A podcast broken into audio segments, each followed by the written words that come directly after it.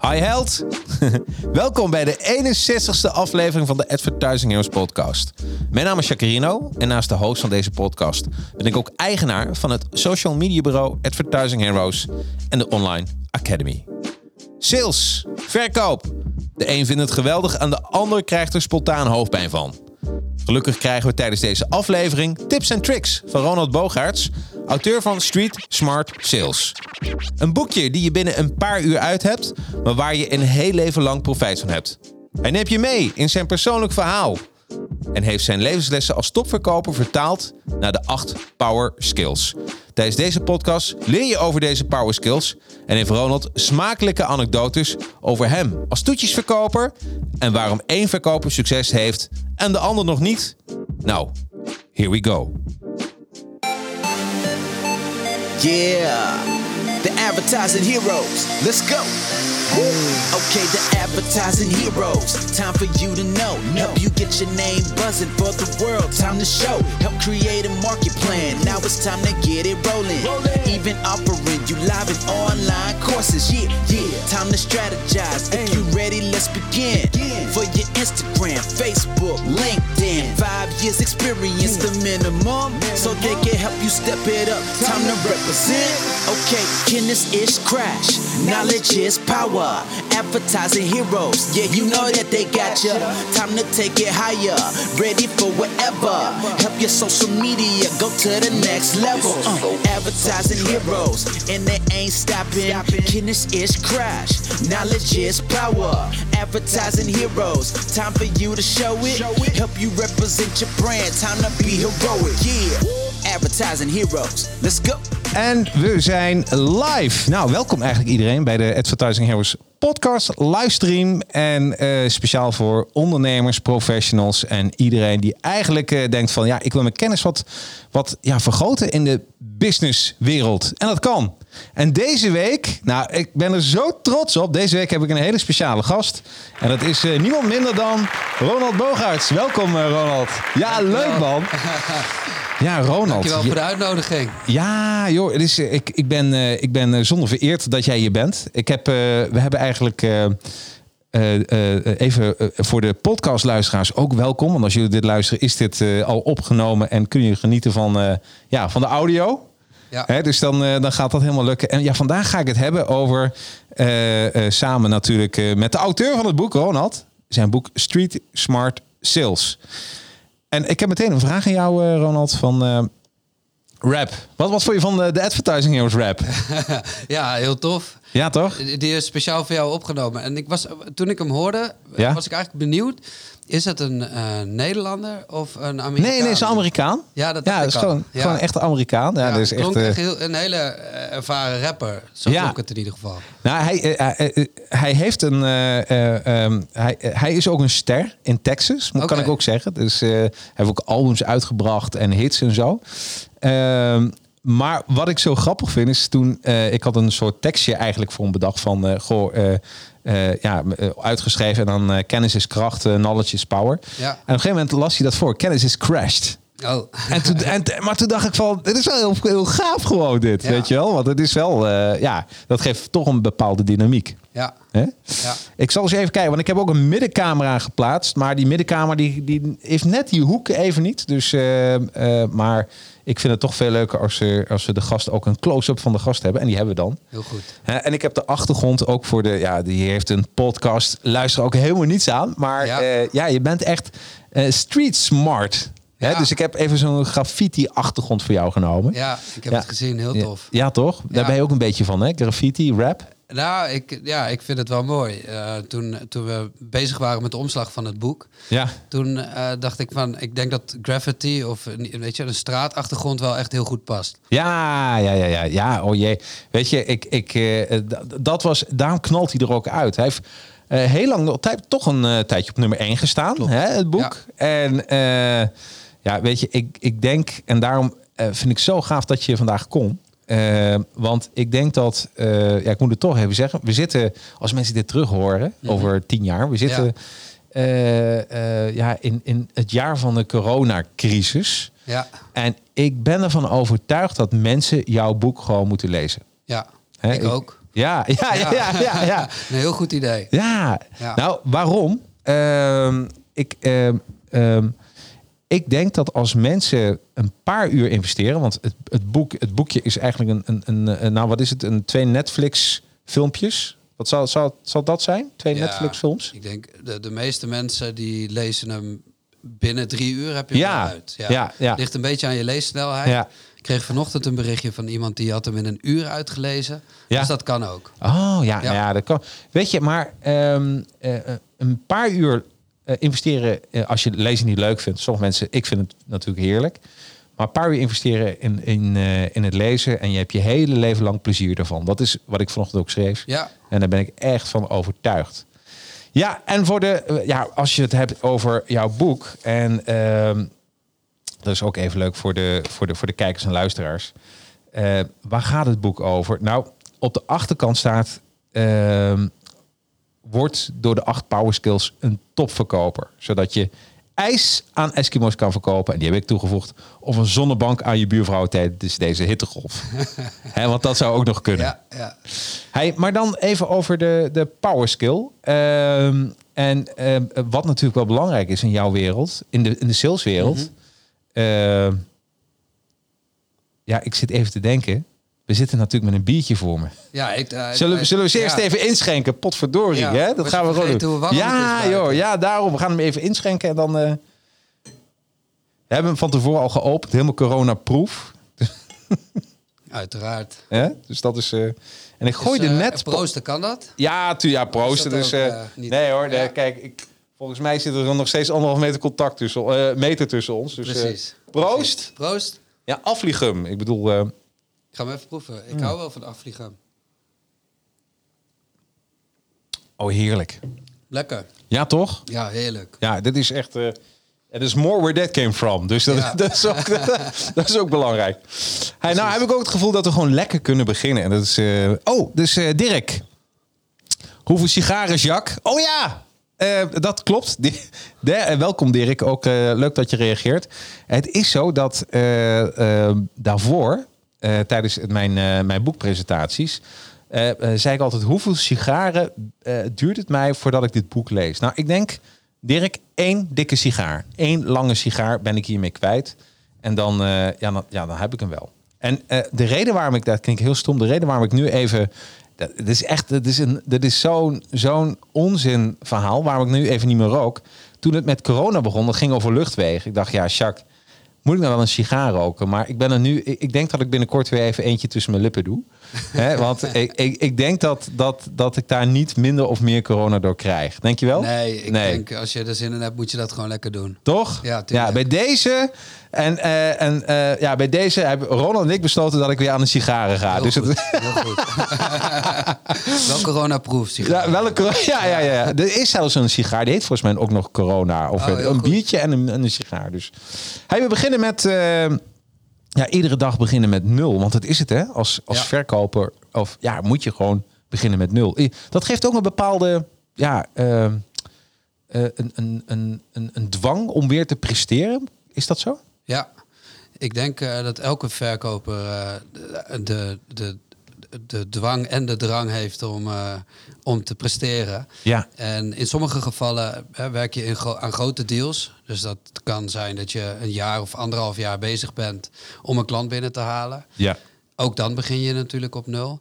En in sommige gevallen, voor de directe verkopers, mensen die deur aan deur lopen of bellen of op straat dingen verkopen aan mensen of in winkels, eh, ja, dan start je elke dag weer op nul. Ja. En eh, het wordt steeds belangrijker om te scoren. Ja. Ehm, alles is en wordt eh, eh, steeds meetbaarder ook. Hè? Dus eh, result- resultaten die moeten elke dag gemaakt worden. Elke verkoper die zijn target niet haalt, ja, die heeft de kans dat hij of onvoldoende verdient of zijn baan kwijt is. ja, want zo hard is het dan ook, hè? Ja, Ja. Sales is volgens mij ook echt een, een ambacht, hè? ja ik vind van wel. Ik vind sales is echt een vak. Ja. Dus iets wat eh, iedereen kan leren. Dat is ook de reden waarom ik het boek heb geschreven. Ja. Ehm, juist met het oog op ehm, iets wat ik zelf had willen lezen. Dus ik, eh, Mooi. ik, ik ga ik, ook echt met het schrijven van het boek Ja. heb ik mezelf eh, voorgesteld. 20 jaar geleden. Ja. Wordt volgende week 40. Dus, Nou, welkom bij de club. Klinkt- ja, het klinkt heel oud. Maar ehm, ik, heb, ik heb gewoon bedacht van... oké, wat zijn nou de dingen die, die, die je niet standaard terugleest in elk boek... of Ja. die je niet standaard terugkrijgt in elke training... die wel enorm belangrijk zijn. Ja. En wat ik ook gedacht heb is... ik ga in plaats van alleen maar theorie delen... proberen te kijken naar... eh, verhalen, dingen die blijven hangen. Ik kom wel eens een, een verkoper tegen die ik 15 jaar geleden getraind heb. Ja. En die vertelt me dan precies het verhaal wat ik 15 jaar geleden verteld heb. De rest van de training weten ze niet zoveel meer van, maar die verhalen die blijven hangen. Ja. En ehm, omdat natuurlijk storytelling ook een van de acht power skills is, Ja. eh, vind, ik ook, vind ik het ook belangrijk om dat waar te maken in mijn boek. Nou, weet je, als we het over de power skills hebben, we, eh, eh, vind je het goed dat we ze doornemen? Ja, zeker. Dan beginnen we met eh, power skill nummer 1. En dat is de mindset. En je hebt zoiets moois gemaakt. Je hebt een mindset matrix gemaakt. Ja. Kun je daar iets over vertellen? Wat is een mindset matrix? Ja, nou, ehm, wat ik heb geprobeerd in, het, in het boek, net als dat ik in de, mijn trainingen ook doe, is een heldere uitleg te geven over wat mindset nou precies is en op welke manier jou, dat jouw eh, gedrag eigenlijk beïnvloedt. Ja. En ehm, een van de eh, belangrijke lessen die ik zelf heb gehad toen ik een jaar of 18 was, dat was van- Stephen Covey. En dat ging over de cirkel van invloed en de cirkel van betrokkenheid. Nou, als je Ja. ergens mee te maken hebt als verkoper, dan zijn dat natuurlijk tegenslagen. Ja, Hè, absoluut. Als jij bijvoorbeeld eh 5% eh, conversie haalt, en Ja. conversie dat is echt een sales term, Ja. dan betekent het dat, ehm, dat 5 op de 100 gesprekken positief is voor jou. Maar dat betekent tegelijkertijd dat 95% van de gesprekken negatief is. Ja. En op het moment dat een gesprek negatief is, dan is er ook nog eens een keer een klant die aan, of een prospect die aan jou uitlegt waarom die het niet wil. Die gaat jou ervan overtuigen. Nou, dat betekent dat je als verkoper dus een ontzettend sterke mindset nodig hebt om om te kunnen gaan met die weerstand. Om jezelf weer positief te kunnen motiveren om door te gaan. Ja. Nou, de, de cirkel van invloed, eh, dat is natuurlijk een cirkel en geen matrix. Ja. Maar in de mindset eh, matrix heb ik ervoor gekozen om heel duidelijk te laten zien wat de invloed is van een, negatieve mindset of je focussen op zaken waar je geen invloed op hebt. Ja. En ehm, in de dagelijkse gang van zaken, als je te maken hebt met ehm, ehm, ehm, klanten die niet willen, of collega's die een andere mening hebben dan jij, of eh, negatief nieuws. Op het moment dat je je daarop focust, dan gaat het ten koste van je energie. Dus wat ik zeg, je hebt op een dag, je begint met 100, Ja. maar het is heel makkelijk om eh, eh, 40 van de 100 energie al te verspillen voordat je eh, de dag gaat beginnen. Ja. Door je bijvoorbeeld te focussen op dingen waar je geen invloed op hebt. Dus eh, met de Mindset Matrix, en eh, de volledige omschrijving vind je natuurlijk terug in mijn boek, omschrijf ik eigenlijk wat voor impact het heeft op het moment dat je je bezighoudt met zaken die je energie kosten. En dat het belangrijk is om dat ook los te laten, om daar dus heel bewust mee om te gaan. Kost het energie of geeft het energie? En focus je op de dingen die energie geven. Jo, dit is zo belangrijk. Weet je, energie is gewoon eh, je mindset. Dat, vond ik zo, dat vind ik zo goed van het boek ook. Dat je dat als power skill 1 hebt gedaan. Want Ja. het, het gaat en staat, alles begint en valt met, met mindset. Ja. Ik bedoel, dat is, is gewoon zo. En ook ehm, als je, eh, ook als ondernemer zijnde, als je iets nieuws wil, wil beginnen. Ja. En, eh, en je gaat dat eh, te hard roepen in de omgeving, zeggen altijd mensen in je. En dat zijn meestal je beste vrienden trouwens. Ja. Of, of je familie. En zeggen van, nou, dat, dat- dat- ik weet niet of je dat ze moet doen hoor.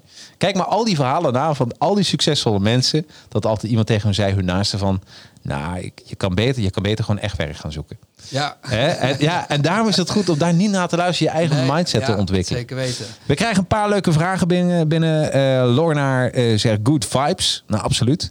Danny Rijken lijkt me interessant. Eh, en ik denk dat hij, eh, ik zag me even voorbij komen toen het over de Matrix ging. Niet Ja. over de film, maar over de, de, de, de sales Matrix. En eh, Marco zegt topper Ronald. Geweldige prater en een prachtig boek gemaakt. Ik zou hem mee willen geven om hierover ook een audioboek te maken. Omdat zijn manier van spreken nog veel, eh, zoveel meer kracht geeft. Nou, we zitten hier in de studio, dus we kunnen Ja. nog wel even nablijven. Hey, mag ik even reageren erop, Marco? Super tof bericht, dankjewel. Audioboek is onderweg. Nou, hey, Ja. dit is. eh, even kijken, heb ik daar ook even iets. Ja, ik had vroeger nog veel meer geluidjes. Oh ja, hij is onderweg. Helemaal goed. Eh, ja, en dan de Power Skill 2. Dat is personaliseren. En eh, jij schrijft iets over toetjes. Jij was een soort toetjeskoning. Ja, zeker weten. En ehm, ik heb ook iets leuks meegenomen. Ja, ook Ja. persoonlijk. ja, leuk. Ja, ja, Ja. mag ik dat, dat Ja. even laten zien? Ja, Voor de kijkers thuis. ja. Ja, ze zien het goed. Oh, ze zien het Ja. goed. Ja, ja, hartstikke mooi. Een menukaart. Ja, nou, dat sluit goed. natuurlijk goed aan op het eh toetjesverkoop eh, verhaal. Is er nou een soort pannenkoekenschip die nu één menukaart mist? Ehm, nee. Ze Je denken weet het ook- niet, hè? Ze denken ook wel eens dat ik het heb meegenomen uit het restaurant eh, waar ik eh, werkte. Wat ik wel gedaan heb, is de naam van het restaurant eh, ook. Oh, wat goed. Maar eh, ik gebruik dit eigenlijk ook als speakbriefje op het moment dat ik een presentatie ge- ergens eh, Oh, wat hier, goed. Ja. Maar die menukaart die was voor mij heel erg belangrijk. Op de eerste dag Ja. dat ik werkte bij een, bij een restaurant in Amerika. Ja. Want ik had vrijwel geen ervaring in de bediening. Ik had wel verteld dat ik eh, ervaring had in de horeca. Ja. Maar ik kwam daar dus werken en je had dus een, de eigenaar was een, eh, een, eh, een Oostenrijker. Dus je had een soort van Duits-Oostenrijkse menukaart. Ja. En de eerste dag dat ik daar werkte, werkte, moest ik ook nog eens een keer Engels praten met iedereen. Met nul ervaring in de bediening. Met een Duits-Oostenrijkse menukaart. Dus dat was sowieso een, een, een, een hele uitdaging. ervaring. Ja, Ja. zeker weten. Ja. Maar, en op een gegeven moment eh, eh, ben jij toetjeskoning. En waarom zijn toetjes zo belangrijk voor een, eh, voor, als je de bediening zit? Ja, nou ja, dat is een hele, hele goede vraag. Ehm, ik stel die vraag ook wel eens als ik een, als ik een training geef. Van, wat is de reden om wel of niet een toetje te kopen in een restaurant? Ja. Nou, dan heb je mensen die zeggen van ja, ik eet nooit toetjes. Je hebt mensen die zeggen van nou, dat is een beetje afhankelijk van wat het kost of dat ik nog trek heb. Ja. En wat ik heb geleerd is dat het toetje eh, verkopen, of in ieder geval het toetje kopen, wel degelijk beïnvloedbaar is. En eh, het leuke van het verhaal is, eh, ik kwam daar dus werken in Amerika en ik had geen idee wat ik daar zou kunnen verdienen. Maar ik was een commerciële jongen, ik was 26 jaar, 14 jaar geleden inmiddels. En ik kwam daar aan en ehm, ik had op de eerste avond 75 dollar fooi verdiend. Terwijl ik had gedacht dat ik alleen maar kosten en inwoning zou krijgen. Dus Ja. ik vroeg aan mijn manager, ik zeg, hoe, waar komt die 75 dollar vandaan? Toen zei ze, ehm, ja, dat is your tip, Ron. Ze noemde mij Ron. Ja, ja. En, en, en daar was ik wel verbaasd over. En toen dacht ik, hé, hey, dat is iets wat ik kan beïnvloeden. En als, eh, als eh, rasverkoper dacht ik van ja, weet je, als het me lukt om 75 dollar te verdienen, dan moet ik ook 300 dollar kunnen verdienen op een dag. Ja, sure. En, en dat had ik mezelf als, als doel gesteld. Dus wat ik ging doen, is ik ging kijken op welke manier kan ik nou eh, de mensen beïnvloeden om ervoor te zorgen dat ze meer fooi geven. Daar kwam het eigenlijk op neer. Ja. En ik ging mensen tips eh, vragen en ik kreeg nou niet per se de input die, input die ik wilde. Ik ging natuurlijk van alles proberen, weet je, super aardig zijn, vriendelijk zijn, lachen met mensen. Ik, had, eh, ik vroeg aan de chefkok of die elke dag specialties wilde maken, want ik merkte al dat als mensen iets kochten wat ik ze aanbeval, Ja. dat, dat, dat ze dat ook wilden hebben. En op een gegeven moment was ik een beetje gefrustreerd, want ik haalde die, ja, nee, nog niet 150, misschien 200 dollar haalde ik niet. Nee. En toen ging ik naar mijn, eh, naar mijn chefkok toe. Alfred heette die. En die was altijd zagrijnig. Want die, die, die was altijd soort van boos op mij. Omdat ik eh, altijd lachend de keuken inkwam. En hij niet begreep hoe dat kwam. En hij dacht echt dat ik zijn gasten voor de gek hield. Maar goed, zo zit ik nou helemaal in elkaar. Weet je, als je een beetje aan het lachen bent met gasten. Dan, eh, ja, dan lol maken tijdens werk vind ik heel belangrijk. Ja, superbelangrijk. En op een gegeven moment zat ik met hem op de veranda, waar een biertje aan het drinken. En ik zei tegen hem, eh, Alfred, um, you know what? I want to make 300 dollars a day. You need to tell me the secret, man. En toen keek hij me aan en toen zei hij, Ron, you need to sell desserts. En toen zei ik tegen hem, ja, why? Why do I need to sell desserts? En toen eh, zei hij, you, you find out yourself. dus ik, ik had mezelf als doel gesteld van oké, ik ga zoveel mogelijk toetjes proberen te verkopen. Ja. En op een gegeven moment, eh, het, je doet eigenlijk alles wat je standaard gewend bent in een verkoopgesprek. Hè, van A tot en met Z. Je hebt je script, je hebt je pitch. En wat ik merkte dus in de, in de gesprekken die ik had met mijn gasten, was altijd één ding hetzelfde. En dat kun je dus heel goed vergelijken ook met een verkoopgesprek. En dat is bijvoorbeeld een bepaalde vraag van een eh, gast of een klant. Eh, en de vraag die ik altijd kreeg is van... Hey Ron, um, can we ask you something? We hear a little accent in your voice. Where you from? En dan kwam ik natuurlijk... eh, yeah, I'm from Amsterdam. en, en, en eh, ja, zeg maar ja, tegen een Amerikaan van... Hey, eh, eh, Amsterdam, weet je Ja. dan, dan, dan heb je het gelijk over Disneyland en over eh, hè, de, de, coffeeshops en de Red Light District. En, Ja, eh, ja, ja, kwamen ja, ja. Alle verhalen naar boven. Nou, dat was op zich een hele goede ijsbreker. En de volgende vraag was altijd: Why are you here? En dat was een vraag waar ik niet zo goed antwoord op had. Of in ieder geval niet over na had gedacht. Of in ieder geval niet iets zei wat een positieve invloed had op het resultaat. En eh, wat ik meestal deed, ik ging over mezelf praten. En dan zei ik van ja, I'm here, uh, I wanted to take a break or uh, whatever. En wat ik merkte is dat het, ik raakte de, de aandacht van die mensen op een gegeven moment kwijt. Ja. En toen dacht ik bij mezelf, ja, waar het een sales eigenlijk om draait, is dat je je klant centraal moet stellen. En waar ik over ging nadenken, is van als in elk gesprek, bij elke gast, nou diezelfde vraag wordt gesteld, het ijs is gebroken, Ja. wat is dan de, de perfecte zin die ik zou moeten gebruiken? Of wat zou ik dan moeten zeggen op die vraag? Ja. Dus daar ging ik over nadenken en op een gegeven moment had ik het gevonden. Ja. Wat er gebeurde, ik dacht, ja, die Amerikanen die vinden het leuk om over zichzelf te praten. Dus ik dacht, volgens mij moet ik hun gewoon extreem centraal stellen. Dus de pitch, die ken ik nog steeds uit mijn hoofd. Die ging als volgt. Um, Ron, can we ask you something? Um, yeah. We hear a little accent in your voice. Where you from? Yeah, Amsterdam, blah, blah, blah. Lachen, Red. Light District. Why are you here? You know, you know I'm here because I love the American people, especially the people who can afford to live in this area, because most of them are really rich and successful. So I'm I'm really curious to get to know your story. So let me get you your drinks and I'll get back. Oh, wat goed, man. Dit is echt... eh, ja. En wat er gebeurde? eh, Jane keek naar Jim Ja. En, hey, yeah Jim, you should tell him your story. En wat, er gebe wat gebeurde er op dat moment? Ik kreeg de meest bijzondere, bizarre, fantastische verhalen van die mensen te horen. Ja. Sterker nog, ik had a- i- i- als bediening gewoon te weinig tijd om die mensen op een goede manier te helpen. Ja. En toen dacht ik bij mezelf, ja, wat voor les zit hierin? Ja, dit is de les. Dit is de les. Als jij dus in een verkoopgesprek in staat bent om het gesprek zo persoonlijk te maken voor iemand, door iemand op een voetstuk te zetten, Ja. waardering uit te spreken, te complimenteren, vervolgens goed te luisteren en door te vragen op wat voor iemand persoonlijk belangrijk is geweest in zijn hele leven. Ja, dan, dan creëer je een enorme vertrouwensband. En dat is wat er gebeurde dus met die mensen. Ik eh, werd uitgenodigd bij mensen thuis voor barbecues. Ik ben meewezen varen met mensen. Ik kreeg, ik, Ongelooflijk. ik kreeg zelfs, ja, dat was niet zo'n verstandige beslissing van die mensen, maar ik kreeg zelfs een nichtje aangeboden om mee uit te nemen. Je was bijna uitgehuwelijkt. hè? Ja. Wat goed. En, en, en, en, en, en mijn reis veranderde compleet op dat Ja. moment. En ik ging dik over de 300 dollar eh, heen. Ik kan urenlang praten over, eh, over, over Amerika. Maar ik had mezelf als doel gesteld, ook toen ik eh, weer terug naar huis ging, is van dit is, dit is zo'n waardevolle les. Ja. Hier moet ik wat mee. Ja. En ehm, ik heb getwijfeld of ik mijn boek Street Smart eh, Sales eh, zou noemen. Of dat ik hem gewoon toetjes verkopen zou noemen. Ja, ook mooi. Ja, ja, ja. ja. En wat, maar, mag ik nog even ja, ja, tuurlijk. Ja, je mag leuk- alles zeggen. Wat, wat wel leuk is, is ik heb mijn boek dus opgestuurd naar die eh, chefkok Ja. in Amerika. Ah. En hij kent Nederlands, want zijn, zijn, ehm, hij begrijpt Nederlands, laat ik het zo zeggen. Ja. Omdat zijn eh, dochter en zoon in Nederland eh, wonen. En ehm, het eerste wat hij mij terugstuurde was... eh, Ronald, mag ik je bedanken dat je me niet hebt bekritiseerd... want ik weet dat ik je heel veel shit heb gegeven. Oh, wat goed, man. Dit is toch Ja, geweldig, ja, dit? fantastisch. En ik heb met hem dus afgesproken dat ik het boek in het Engels ga uitbrengen. Ja, ook nog. Ja, hij is al vertaald. Oh, Ja, wauw. ja. Nou, nou ja, weet je, het is, en het heeft je ook geen windeieren gelegd, want hij heeft niet meer ingestaan. Ja, Managementboek. Dit is eh, echt ongelooflijk. Ja, zeker. Ja, wat, zeker. Een, eh, wat een verhaal. Ik, eh, on- ondertussen tussen de power skills, misschien is wel even leuk, dan kunnen we nog eens even wat vragen doornemen. Marco zegt, je bent een held, Ronald.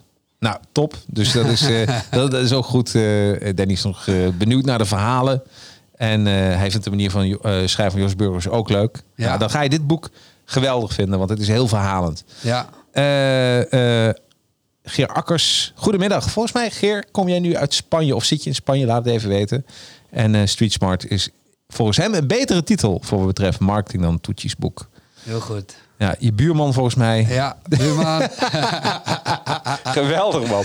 Ja. dat is zo mooi hè, het interactieve van, eh, van deze podcast. Hey, dan gaan we naar eh, eh, de volgende power skill. Nummer drie is doelen, het doel stellen. En het, daar heb je een verhaal over de boom voor kerst. Ja, ja ik heb, ehm, ehm, ik weet niet of de mensen, eh, die- of in ieder geval die mijn boek hebben gelezen, die weten dat ik een kerstbomenbedrijf eh, heb gehad. En de Ja. mensen die mij kennen ook.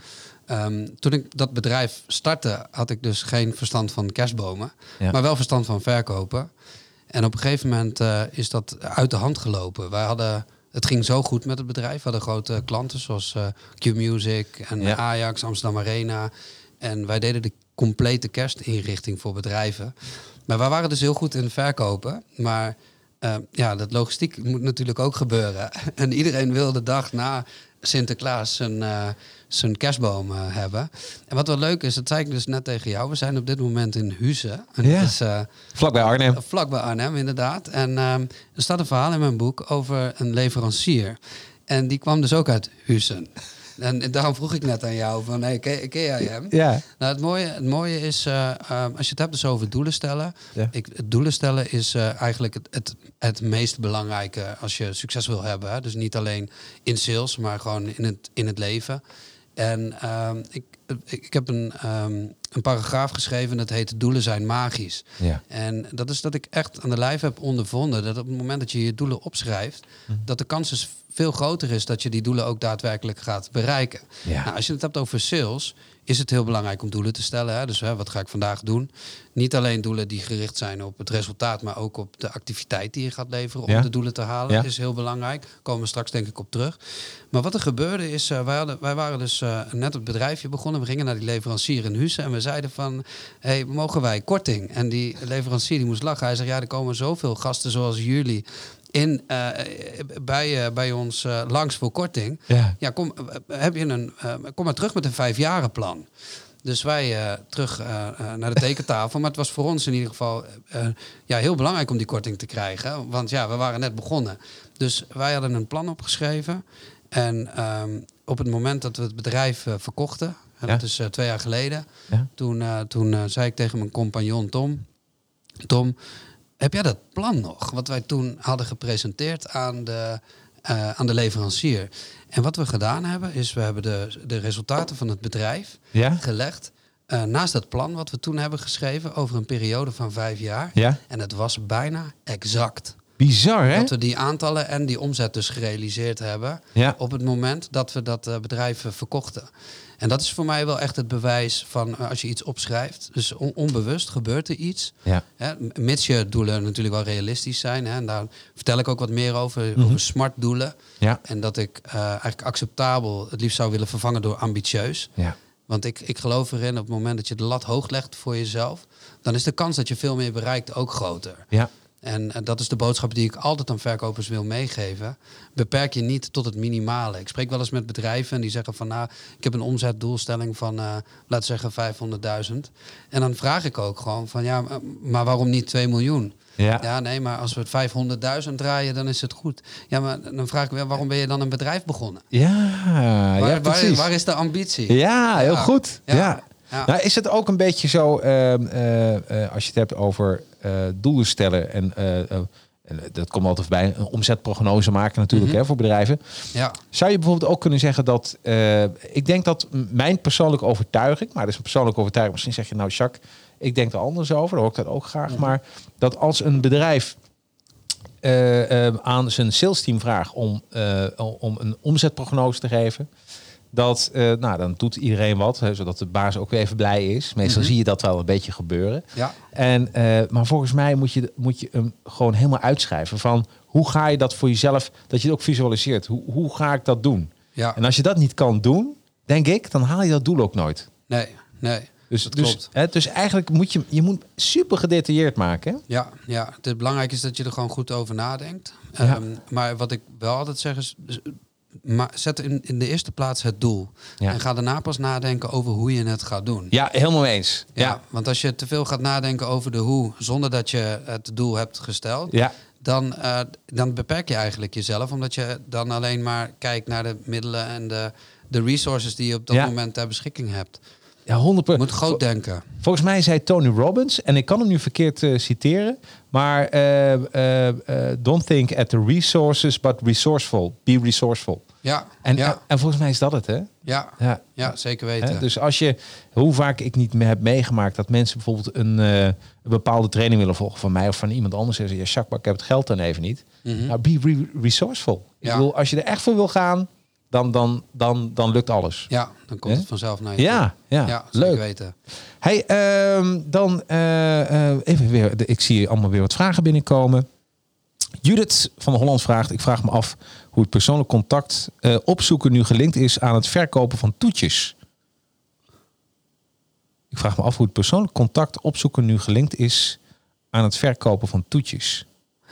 Ja, goede, goede vraag, eh, Judith. Ik, ik, ehm, het, het, het, tweede, tweede hoofdstuk heet personaliseren. Ja. Dus dat gaat vooral over het persoonlijk maken. Ja. En dat is, eh, dat is dus ook eigenlijk gelijk het antwoord. Dus ehm, doordat je het gesprek persoonlijk maakt, hè, Ja. dus de, ehm, iemand anders centraal staat, en, en in het geval van de sales is dat natuurlijk gewoon je klant of je prospect, door hele persoonlijke vragen te stellen, door iemand iets te vertellen, laten vertellen over het leven of iets wat voor iemand anders belangrijk is.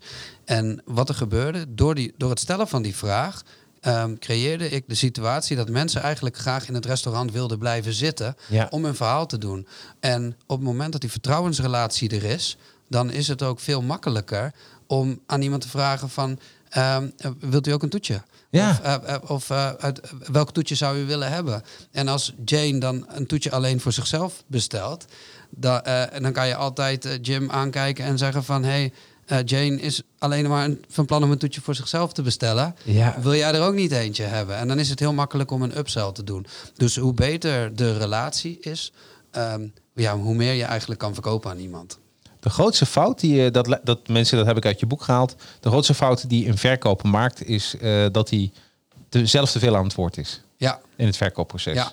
Hè, dus ik hoop nu, trouwens nu, dat je nu wel veel aan het woord bent. Want anders heb ik een probleem. moet, ik, moet ik banjo gaan spelen? Dat is Ja, niet mijn ja, hobby. Hè? Eh, en eh, Mark, eh, wat, wat heeft je doen besluiten om op 26-jarige leeftijd alles, thuis alles achter te laten en in Amerika in de horeca te gaan werken? ja goede, goede vraag.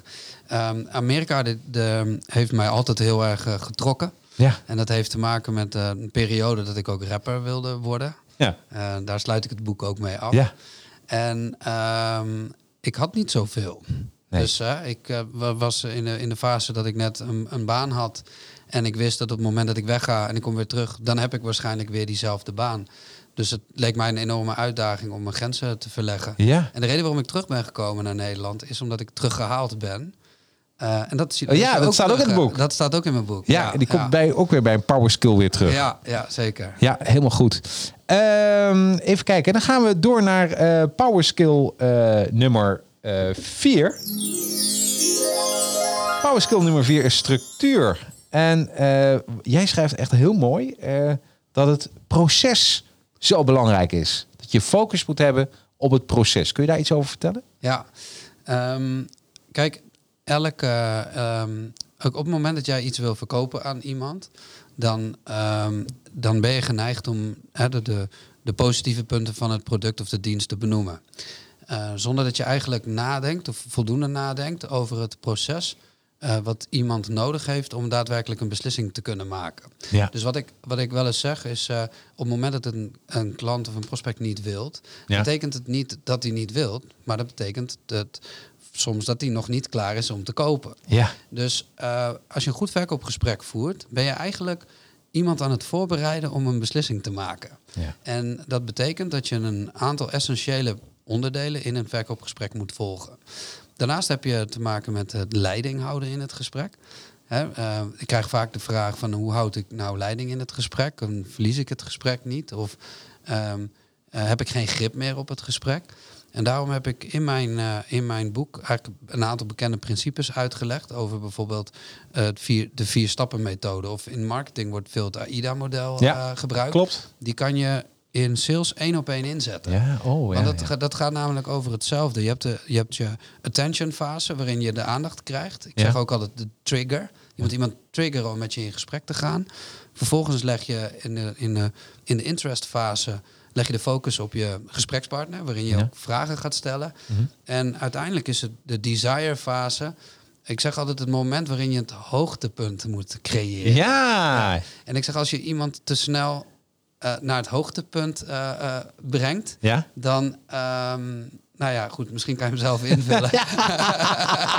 Moet een beetje netjes Ja, precies. Ja, ja, ja, ja, ja. Maar ik zeg altijd, je kan het hoogtepunt beter zo lang mogelijk uitstellen. Ja, begrijp ik. Ja, want dan komt het verlangen ook, toch? Ja, precies. Want dat is het, je wil het verlangen hebben. Ja, en uiteindelijk is de, de action fase meer het moment gewoon om daadwerkelijk de deal te closen. Precies, precies. Ja. Dat is heel grappig. In, eh, eh, wij hadden het eh, in het voorgesprekje al even over dat eh, ik geef webinar trainingen.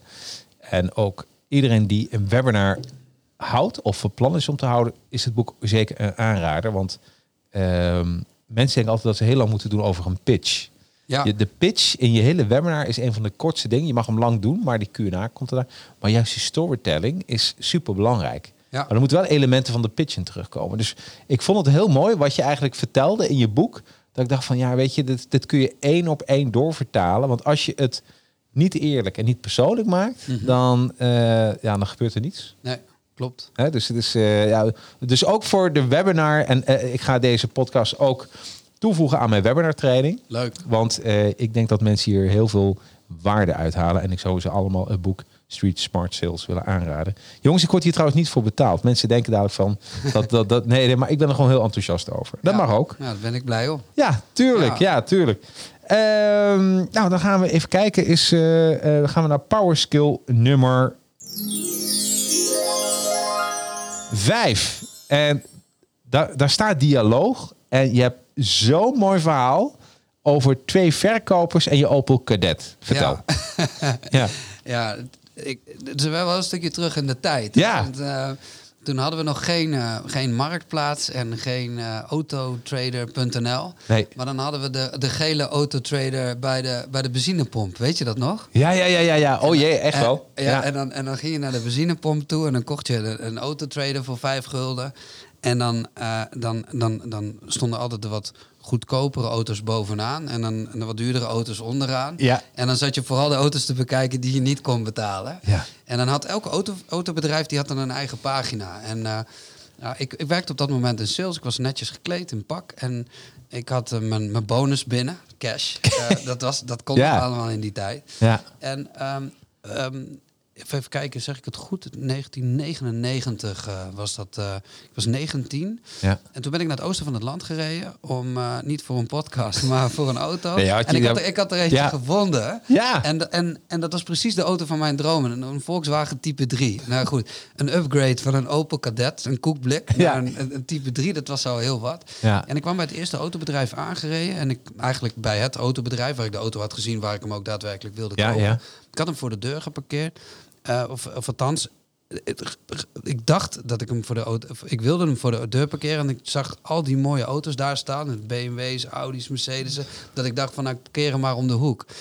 Ehm, waardoor die verkoper niet zag in wat voor auto ik aankwam rijden. En ik heel netjes eh, in pak aankwam lopen. Dus hij dacht, ja, misschien kan ik wel een Mercedes of een, of een BMW of een andere Ja. auto aan hem verkopen. Die netjes voor de, de, het hek had geparkeerd. Dus wat gebeurde er? In plaats van dat hij aan mij vroeg van, nou, waar kom je voor? Of kan ik je helpen? Nam hij mij gelijk mee. Want ik, ja, ik ging natuurlijk in eerste instantie bij die dure auto's kijken. Om, gewoon omdat ik ze mooi vond. En hij begon mij te vertellen over die auto's en de specs en noem maar op. En uiteindelijk eh, zei ik tegen hem, ja maar meneer, ik kom, kom voor die eh, Volkswagen Golf. en, en toen keek hij me aan en hij was een beetje teleurgesteld. Oké. En ehm, toen hij pakte de autosleutel en hij zei, ja ga maar een rondje rijden. Ja, ja. En ik ging een rondje rijden en ik ontdekte toen dat er meerdere autobedrijven daar op, eh, in de buurt zaten. En ehm, ik heb uiteindelijk die auto niet gekocht. ja. En ik, ik, ik zat in die auto, ik keek om me heen en ik was eigenlijk redenen aan het bedenken om mezelf ervan te overtuigen waarom ik hem niet wilde hebben. Ja. Ja. Maar wat, is, wat denk jij dat de reden was dat, eh, dat Waar- ik hem niet wilde? Ja, de, de, de verkoper. Precies. Die verkoper totaal geen interesse voor jou. Precies. En ehm, weet je wat ik zei? Nee. Ehm, ik bra- bracht die auto terug en toen zei ik, ik denk er even over na. Oh, dat hoor je heel vaak, hè? Dus, dus eigenlijk als een klant dat tegen jou zegt, dan moet je even denken aan dit verhaal, hè? Ja, ja, ja. Ja. Want en dat is, dat is wel interessant. Want je hebt dus te maken met eh, echte bezwaren en onechte bezwaren. Ja, ja, ja. En eh, op het moment dat jij niet eerlijk bent tegen iemand, of dat je geen goodwill hebt, of niet het vertrouwensrelatie hebt met iemand, dan, dan zijn mensen best wel in staat om makkelijk van je af te komen en dan gewoon zoiets te zeggen. Ja. Maar ze zeggen niet de waarheid. Nee. Ik had ook wel tegen hem kunnen zeggen van ja, ik vind je een ongelofelijke eikel. Hier, alsjeblieft, heb je de autosleutel terug, want je hebt geen interesse in me getoond. En daarom koop ik die auto niet bij. Nee, nee, Want nee, nee. Dat, dat gaan klanten niet tegen Nee, zeggen. nee. Dus wat, ik was best wel teleurgesteld. En ik ging daar weg. En, ehm, maar ik had gelukkig autobedrijven gezien in de buurt. En ik dacht, ja, ik heb toch dat geld branden in mijn zak. En ik wil toch een auto hebben. Dus ik ging eh, naar een ander autobedrijf toe. En ik dacht bij mezelf, ja, ik zet gewoon lekker die auto voor de deur. En dan kan in ieder geval, ook al ben ik netjes in pak, kan in ieder geval zien waar ik vandaan kom. Ja. En het grappige was dat, eh, dat ik liep dat terrein op en eenzelfde soort verkoper die kwam naar me toe. En het eerste wat hij deed is hij keek over mijn schouder en hij zei: Hey, Opel Kadett. En ik, aan de ene kant schaamde ik me een beetje, maar Ja, aan de ja. andere kant was ik ook wel een soort van trots. Want Ja. ik bedoel, eh, die Opel, dat, die had ik al een paar jaar. En daar wa- Ja, was tuurlijk, daar vrienden hartstikke blij mee. En eh, Ja. dan gingen we mee naar de clubs. En Ja. eh, weet je, dat, daar had ik mijn eerste vriendinnetje in mee uitgenomen. Dus dat, die betekende wel wat voor mij. En het volgende wat hij zei is, oh, goede auto. Ja. Ik weet zeker dat je niet bang bent geweest dat je met pech onderweg zou komen te staan toen je hier onder, onderweg naartoe was. Ja. Want, want die auto's zijn niet stuk te krijgen. hey, hij had het over mijn Opel Kadett. hè. Ja, ja hij, was je, hij was gewoon aan het... Ja. Hij had op dat moment al een auto aan mij verkocht. Ja. Terwijl ik nog niet eens wist wat voor auto's hij verkocht. En het volgende wat hij zei... Hij zei, ik, hey, ik hoor een accentje. Jij komt niet uit de buurt hier, hè? Nee, ik kom, eh, kom uit Utrecht, inderdaad. Nou, weet je wat? Hij zegt, doen we even een, een, een bakkie. En terwijl we naar dat, naar, dat, naar dat kantoortje toe liepen om koffie te drinken... Ja. zei hij tegen mij... Hé, hey, maar als je al zo'n goede auto hebt, hè? Waarom wil je eigenlijk een andere? Wauw. Dat is toch, is een, su- dat is toch een super opmerking? Ja, eh, eh, eh, ik had twee auto's bij hem gekocht op dat Ja, ja, moment. ja, ja, ja, ja, ja, ja, aan mij ja. wilde verkopen. Ja. En op een gegeven moment gingen we naar binnen toe. En hij wist het ook. Ja. Hij wist gewoon dat hij aan mij een auto ging verkopen. Ja. Dus naast dat hij zelfverzekerd was, dat hij Ja. interesse toonde, dat hij eh, complimenteus was over eerdere keuzes die ik had gemaakt, Ja. wist hij gewoon dat hij aan mij een auto ging verkopen. Ja. En hij ging zitten, omdat ik niet zei, want ik kom specifiek voor een bepaalde auto. Dus hij had ook echt de kans Ja. om echt een heel verkoopgesprek met mij te voeren.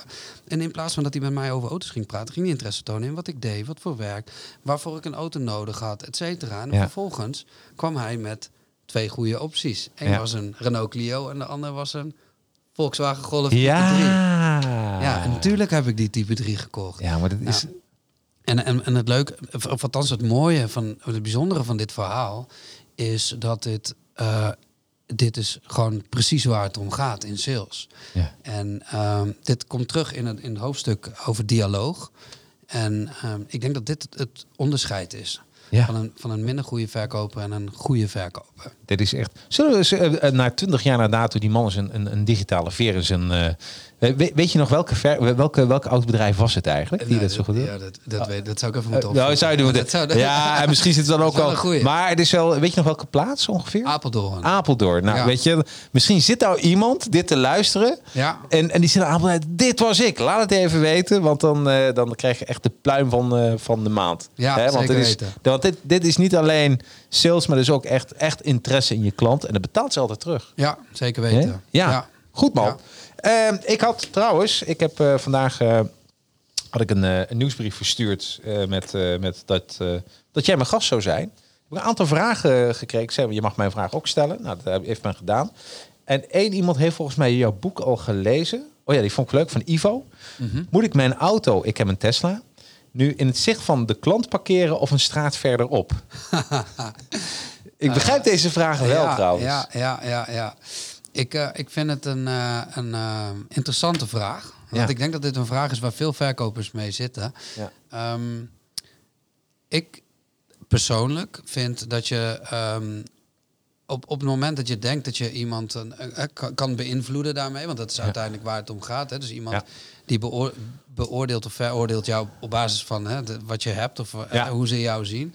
Ehm, ik zou altijd mijn auto om de hoek parkeren. Ja, Ehm, ehm, los van of het een Tesla is eh, of niet. ja, Ehm, op het moment dat je iets aan iemand wil verkopen. Want dan voorkom je dat dus. ja. Hoe dan ook. Dan, dan Ja. wordt, eh, Ja. Anders sta je eigenlijk al eh, een paar streepjes achter, een paar punten achter voordat je binnenkomt. Hè? Ja, ja, maar aan de andere kant, ondernemers onder elkaar, is het ook wel eh, anders, Ja. vind ik.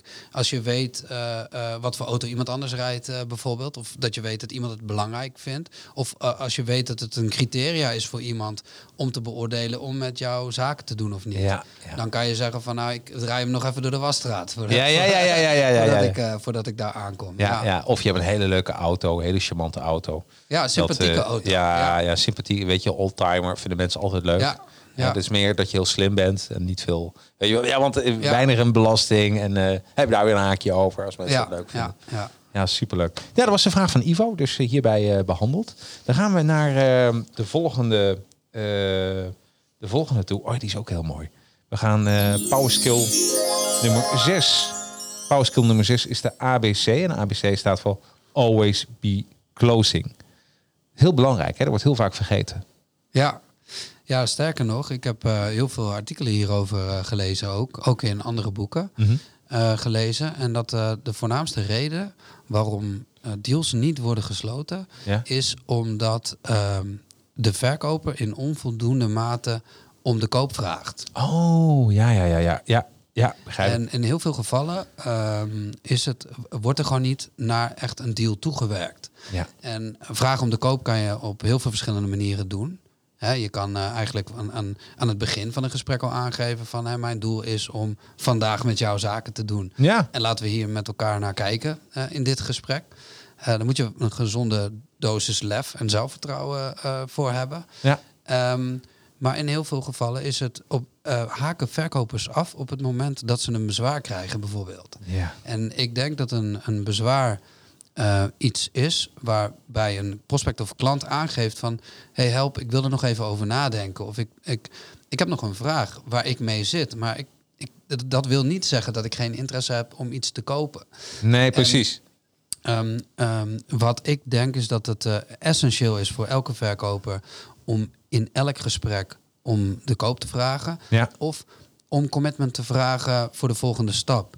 En de beste tip die ik kan eh, meegeven is om een gesprek dus altijd af te sluiten met een, eh, een, een afsluitvraag. Maar dat kan ook bijvoorbeeld zijn, ehm, wat zullen we afspreken? Ja, 100%. Wat is de volgende stap? Ja, om niet in het midden te laten wat dan de volgende stap gaat zijn. En ik, wat ik denk is dat elke verkoper gewoon heel concreet moet zijn over eh, wat zijn of haar doel is van het gesprek. Om uiteindelijk ook de koper mee te kunnen nemen in jouw doelstelling. En op het moment dat hij het niet wilt, om dat ook gewoon concreet te kunnen zeggen. Ja. Want wat ik denk is dat er heel veel tijd verloren gaat in het nabellen of afwachten van het respons van de gesprekspartner. Ja. En daarom vind ik als verkoper om, het is belangrijk is om heel kort op de bal te zitten. Om je een voorbeeld te geven, ik, zat, eh, ik had, gisteren had ik een, eh, een eh, gesprek met de potentiële klant. Ja, En sales doe ik ook nog steeds zelf. ja. En het leuke is, ze stellen mij op de proef, altijd. Zeker Ja. als het echt goede ondernemers zijn. Ja, dat ze dan denken oké Ronald, jij komt mij een training verkopen. Is goed, close the deal dan maar even als je denkt dat je dat zo goed kan. Ja, En eh, het gesprek begon heel stroef. Maar uiteindelijk merkte ik dat ik gewoon de ruimte kreeg van hem. En eh, in plaats van dat ik ging sturen op een afspraak, ging ik gewoon sturen op een deal. En wat ik uiteindelijk deed, is in plaats van dat ik eh, hem vroeg van mag ik dan die training bij jou komen geven, zei ik nou, in, ter voorbereiding op mijn training is het slim. En dan noemde ik een voorbeeld. Want veel klanten ge- lezen eigenlijk mijn boek, of de verkopers lezen mijn boek voordat ik de training geef ja. is om alle verkopers mijn boek te laten lezen voordat ik de training kon geven. Dus ik had nog niet aan hem gevraagd of hij überhaupt bij mij de training wilde afnemen. Nee. En vervolgens zei hij, ja, dat lijkt me een goed plan. En toen zei ik tegen hem, oké, ehm, hoeveel boeken zullen we dan doen? 50 of 100? Ja. En met die vraag over de boeken, Ja. ik eigenlijk de deal voor de trainingen. Ja, zo, ja, ik begrijp hem. En, en het leuke is, hè, dit is Ja. een simpel eh, voorbeeld, maar er zijn dus zo verschrikkelijk veel afsluittechnieken mogelijk. Ja. En uiteindelijk is het de kwestie altijd om een commitment te krijgen van iemand op iets om de volgende stap te kunnen maken. Ja. En daar- daarom is het eh, afsluiten van een gesprek altijd zo belangrijk. 100% Weet je, Ja. als je, als je dat niet doet, dan ben je aan het voetballen zonder, zonder een doel. Ja? Ja, ja, toch? Ja, dan kan je ook niet Dan kun scoren. je, dan kun je ook niet scoren. Dan kun je ook niet scoren. Hey, heel mooi. Eh, voordat we weer naar de volgende gaan, eh, dank ervoor. Even kijken. Maaike, mijn Maaike. Op het fietspadje hier vlakbij zaten vanochtend, eh, vanmorgen twee jongens op een kleedje. Ze verkochten alle handen, speelgoedjes en boeken. Ze hielden er nogal een agressieve, maar wel een effectieve verkoopmanier op na. Want iedere fietser werd tot stoppen en kopen gemaand. Toen ik na een half uur terugkwam met de boodschappen, was het kleedje al bijna leeg. Mijn vraag aan Ronald, zat je als kind ook op zo'n kleedje? En wat deed je toen al in je... En had je toen al ook je eigen salesmethodes? Een briljante vraag. Fantastisch, ja. En, dan- en dan- ah, ah, ah, dat, is, dat is een geniale vraag, eh, Maaike. Dank je wel daarvoor. Ehm, ik heb drie kinderen van, eh, van Ja. vier, zes eh, en acht. En ehm, ja, da- daar zitten ook wel wat, eh, wat commerciële vaardigheden in, merk ik Ja. wel. En die heb ik laatst eens op zo'n kleedje gezet. Ehm, En eh, toen heb ik mijn boeken laten verkopen op de camping. Ja. Voor 20 euro per stuk. en mijn zoon die kwam echt heel verdrietig. Die, die kwam naar me toe en die zei... Ja, papa, het lukt mij wel om eh, met mensen in gesprek te komen. Alleen ze vinden het allemaal te duur. Ik zeg, nou, fantastisch dat je di- dit nu te horen krijgt. Want dit Ja. is eh, het meest voorkomende bezwaar die je maar kan hebben. Ja. Dus als je op, op, op achtjarige leeftijd al leert hoe je dit bezwaar moet weerleggen... Ja, dan, eh, dan heb je een succesvolle carrière voor de boeg. Nee, ik ben ehm, als, als kind zeker. En ik, wat ik mooi vind eh, het verhaal is ehm, dat... eh, ja, je kan beter te agressief zijn. Ja. Eh, en het altijd vragen en het gewoon doen om iets te kunnen verkopen. Want mensen kunnen natuurlijk altijd nee zeggen. Ja. Dus ik zeg, je kan beter te agressief zijn dan niet agressief genoeg. Maar met een glimlach. Ja, zeker weten. Hè? Dat is, je, moet, Ja. je moet blijven lachen. En een spel. zeker als het gaat om kinderen, Ja. ja, dan kan je gewoon heel veel eh, maken. Dus ik denk dat deze jongens heel goed bezig eh, zijn. Ik, wel, ik, ik weet nog wel een, eh, een, ehm, een, een- toen ik een jaar of 16, 17 was, toen verkocht ik zonnebrillen op, op, Bever, op de Beverwijkse Bazaar. Ja. En dat waren echte Polaroid zonnebrillen, maar met een, een, een gulden prijsje nog erop. Maar die waren zeg maar out of stock. Ah. En eh, op de Beverwijkse Bazaar zijn mensen gewend om korting te vragen. Ja. En eh, ik was zo teleurgesteld dat al die mensen, want ik verkocht het voor, voor vijf gulden per stuk. En die, al die mensen die wilden, wilden het voor minder. Nou, op een gegeven moment was ik het echt zat. Toen kwam ik de week daarna kwam ik terug. En toen in het kader van de schaarste creëren, had ik een heel groot spandoek gemaakt. En dan had ik, had ik opgeschreven, echte Polaroid zonnebrillen te koop. Ehm, vijf gulden per stuk, maximaal één per persoon. Ja. En eh, mensen die kwamen eh, eh, aan mijn kraam en die vroegen dus niet meer of ze korting mochten krijgen, maar die vroegen waarom ze er maar één mochten kopen. Ja. Nou, vervolgens verkocht ik er dus twee of drie per persoon, omdat op basis daarvan mensen pas zich echt bewust werden van de waarde van het product wat ik verkocht. Ja. En ehm, dus ik denk creativiteit, doorzettingsvermogen, het gewoon doen. Ja. En het gewoon vragen. Ik denk dat dat eh, doorslaggevend is. En dat sluit goed aan ook op Ja, power skill absoluut. Absoluut. Nou, leuk. Dank Ja. voor je al. En eh, daarbij is, eh eh daar komt jouw boek ook terug, Cialdini. Hè? De, Ja. de, de, de invloed, de manieren van invloed, hoe je dat kan uitoefenen. En dan komt de, de schaarste ook in terug. Dus ook een, Ja. als mensen daar ook meer over willen weten, koop eerst jouw boek. En willen ze een verdieping, kan Ja. Cialdini kan daar ook bij helpen, Ja, toch? zeker weten. Ja. Ehm, even kijken. Ehm, ik zie nog een paar vragen, is ook leuk natuurlijk. Hè, dat we, eh, Dirk, zodra ik eh, denk dat ik de klant kan helpen, besluit ik op dat moment dat de deal doorgaat. Dus doe alsof de deal geen vraag meer is. Ik merk dat dat goed werkt. Is dit een juiste benadering? Dirk, dat is de beste benadering die er is. Ja. Is ook een held hoor, die Dirk. Ja, Ja. Nou, dat geloof ik. Ja. Want we- weet je, uiteindelijk heb je ehm, eh, het, het zelfvertrouwen wat je uitstraalt. Ja. Hè? En op het moment dat jij, als je een goede verkoper bent, dan heb je eigenlijk al de deal gesloten in de analysefase. Ja. Want dan heb je door middel van de vragen die je hebt gesteld, eigenlijk iemand anders al laten vertellen dat hij een probleem heeft en dat hij jouw oplossing nodig heeft. Ja. Dus dat jij zelfverzekerd bent en iemand meeneemt naar de deal en ook een keuzevraag kan stellen van hey, wil je het blauw of wil je het rood? Ja. Ehm, daarmee laat je zien dat jij ervan overtuigd bent dat hij het wilt. Ja. En op het moment dat je gaat twijfelen of dat je vraagt, nou, eh, eh, zal ik het dan zo voor u in orde maken? Of dat je een gesloten vraag stelt, hè? wilt u het, ja of nee? Ja. Ja, dan heb je kans dat je je eigen glazen ingooit. dus met de overtuiging inderdaad, eh, eh, gewoon doorpakken. Eh, dat, is echt, eh, dat is echt de beste manier die er is. Ja, wat goed. Ik zit even te denken. ehm, eh, eh, even iets heel even off topic. Ehm, als mensen ook wat meer willen weten eh, over burn-out en ondernemers, dan scroll eens even op mijn Spotify, op mijn News podcast. Daar heb ik een gesprek over gehad met Dirk Rebel. Oké, En wat een, een, wat een waardevolle informatie geeft. Dus Dirk, dat wil ik je nog steeds meegeven. Wordt nog steeds goed be- beluisterd. Moet ik echt zeggen. Dat is echt, Leuk. En Maaike, als afsluiter van deze tussenfase. Reply to Danny. Mooi geantwoord. Ronald, de jongens deden het inderdaad super. Want ik heb een boek bij hen gekocht die ik al had. En waar ik ook nog een euro extra voor heb neergeteld. ik vraag me nu eens af waarom ik dat eigenlijk heb gedaan. Precies, ja, ja. Dus dat is, eh, Ja. ja, goed man. Ehm, dan gaan we door naar, eh, even kijken, nummertje 7. bijna, bijna bij het laatste alweer. En dat gaat over... het past dan een beetje bij storytelling. storytelling. Ja, en volgens mij, eh, wat ik eruit heb gefilterd, eh, Ronald, eh, dat waarom het belangrijk, de vraag waarom belangrijker is dan de vraag wat. ja. Toch? Ja, ja, zeker weten. Ja. Ja, ik, ik denk als je het hebt over storytelling, hè, dat is iets wat we veel terugzien in, in, in webinars, in podcasts. eh, ehm, veel marketeers hebben het ook over storytelling. Hè? Dus welk verhaal vertel je eigenlijk? Als je kijkt naar ehm, een van de uitspraken van ehm, ehm, Start with Why, hoe heet die schrijver? Ja, ja? Simon Eh, Sinek. Simon Sin- Sinek, dan zegt hij ook... People don't buy what you sell, but why you do it. Ja. Hè, dus het verhaal achter hetgeen wat je verkoopt is gewoon heel erg belangrijk. En ik heb een boek gelezen over storytelling en daaruit heb ik opgemaakt dat het blijkt dat verhalen dus veel beter blijven hangen bij mensen. En ik heb het in de praktijk ook ondervonden. Ja. En als je kijkt naar een verkoopgesprek, jij als verkoper als je zit te luisteren, dan heb je waarschijnlijk bepaalde verhalen die je vertelt in jouw verkoopgesprek. En misschien zelfs wel onbewust.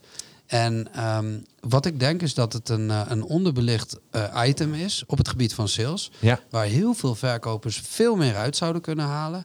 En dan heb ik het bijvoorbeeld alleen al over het voorkomen van een bezwaar.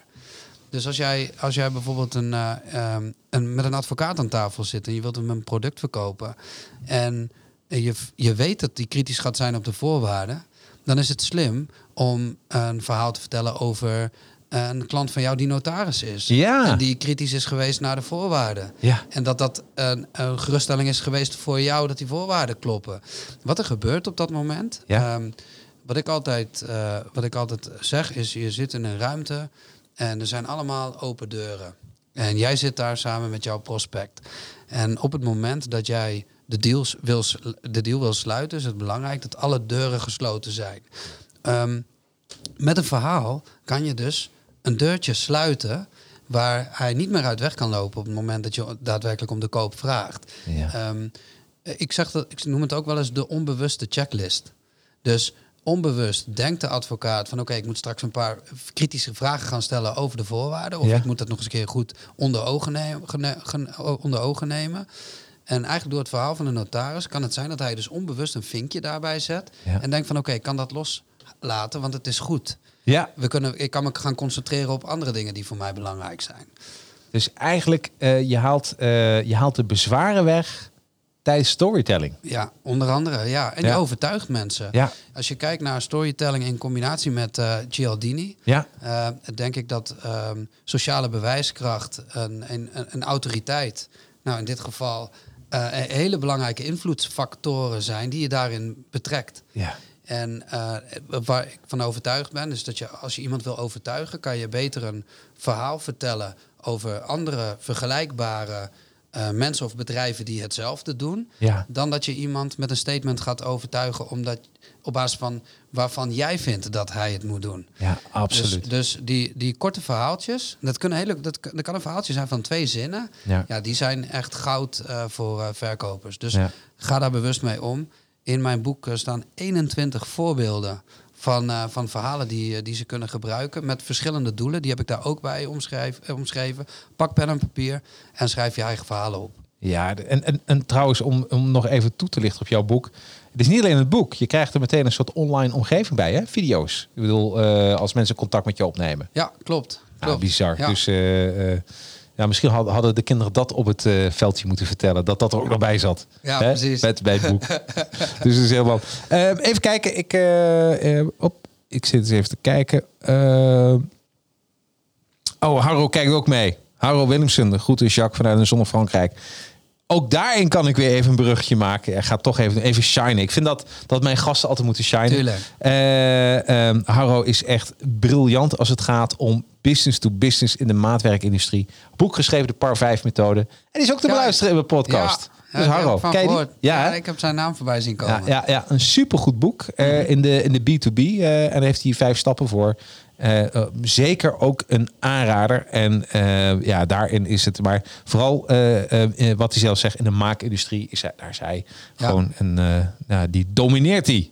Kan ik best wel even zeggen. Dus leuk vanuit Frankrijk. Leuk dat je, dat je meedoet. Dan gaan we naar de laatste. Power skill. Ja, hebben we het over, over vertrouwen. ja. Vertrouwen, daarin schrijf je dat is. eh, oh ja, daar had ik even wat opgeschreven. Even, even een eh, eh, pagina 116. Kijk even met je mee. Ja, pagina 116. En dan hebben we het over de, de, de zes invloedsfactoren. Ja.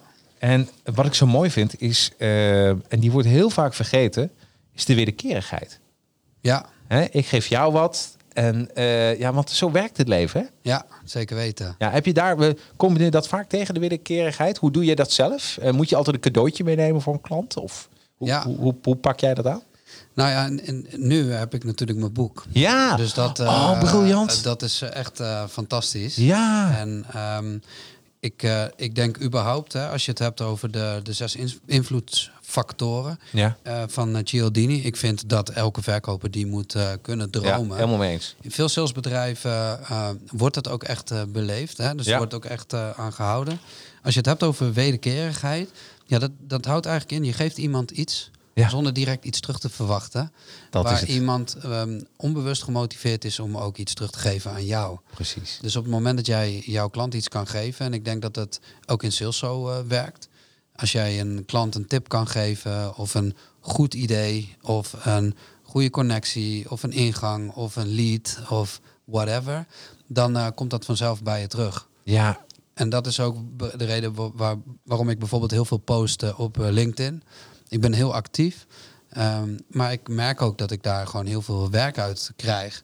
Gewoon door eh, kennis te delen Ja, met, eh, met mensen. ja En leuk. uite- uiteindelijk eh overtuigd dat die mensen dat ze, dat ze zoiets hebben van nou, als we Ronald in- inhuren, Ja. dan, dan, dan komt er iets goeds uit. Ja. Want we hebben er al wat aan gehad. Ja. Nou, en dat is ook een vorm van wederkerigheid.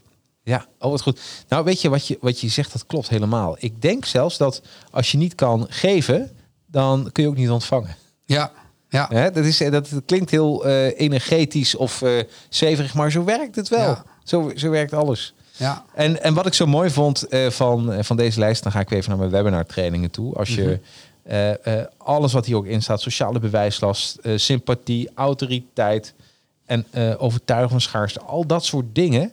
Eh, nou, wil je er meer over weten? Eh, ja, er is het boek natuurlijk eh, Street Smart Sales. Oh, hier zijn jullie, Street Smart Sales. Zou ik zeker doen. En je krijgt nog, en je krijgt nog online training erbij. Nou, dat is toch, eh, ja, dat vind ik echt. eh, we- weet je dat? En het mooie is, en dat verbaasde mij, dat verbaast me echt. Normaal staat er een stickertje op, hè, nu ook met online training. ja. Eh, waarom heb je ervoor gekozen? Want jij als verkoper, heb, waarom heb je dat niet vermeld op het boek? Ehm, dat is een hele goede vraag. Ik heb daar heel bewust voor gekozen. Ja, dat dacht ik al. Ik, heb, ik, heb, eh, ik wilde iedereen belonen die mijn boek heeft gelezen. dat is het, hè? Ja, en ik wilde mijn online training niet gebruiken als een eh, trigger om mijn eh, boek te gaan lezen. En ehm, ehm, ja, dat, is, dat is hoe ik ernaar kijk. Ja. En ik, heb, ik, ik, ik, wil, ik vind het ook belangrijk dat het boek zichzelf verkoopt. Ja, En ehm, wat misschien ook wel leuk is om, eh, om te benoemen. ja vertel. Die, die wilde ik nog even als verrassing ja, eh, oh, eh, houden. ja, ja, ja, ja. Ik weet niet hoeveel tijd we nog hebben. Ja, joh, het is, we zijn drie minuten overheen. Maar Oh. niemand, we worden niet de, de, de eter uitgeslingerd hoor. Oké. Nee. Nou, je, zou je, je zou je misschien afvragen, hè? ehm, Street Smart, waar, waar komt dat vandaan?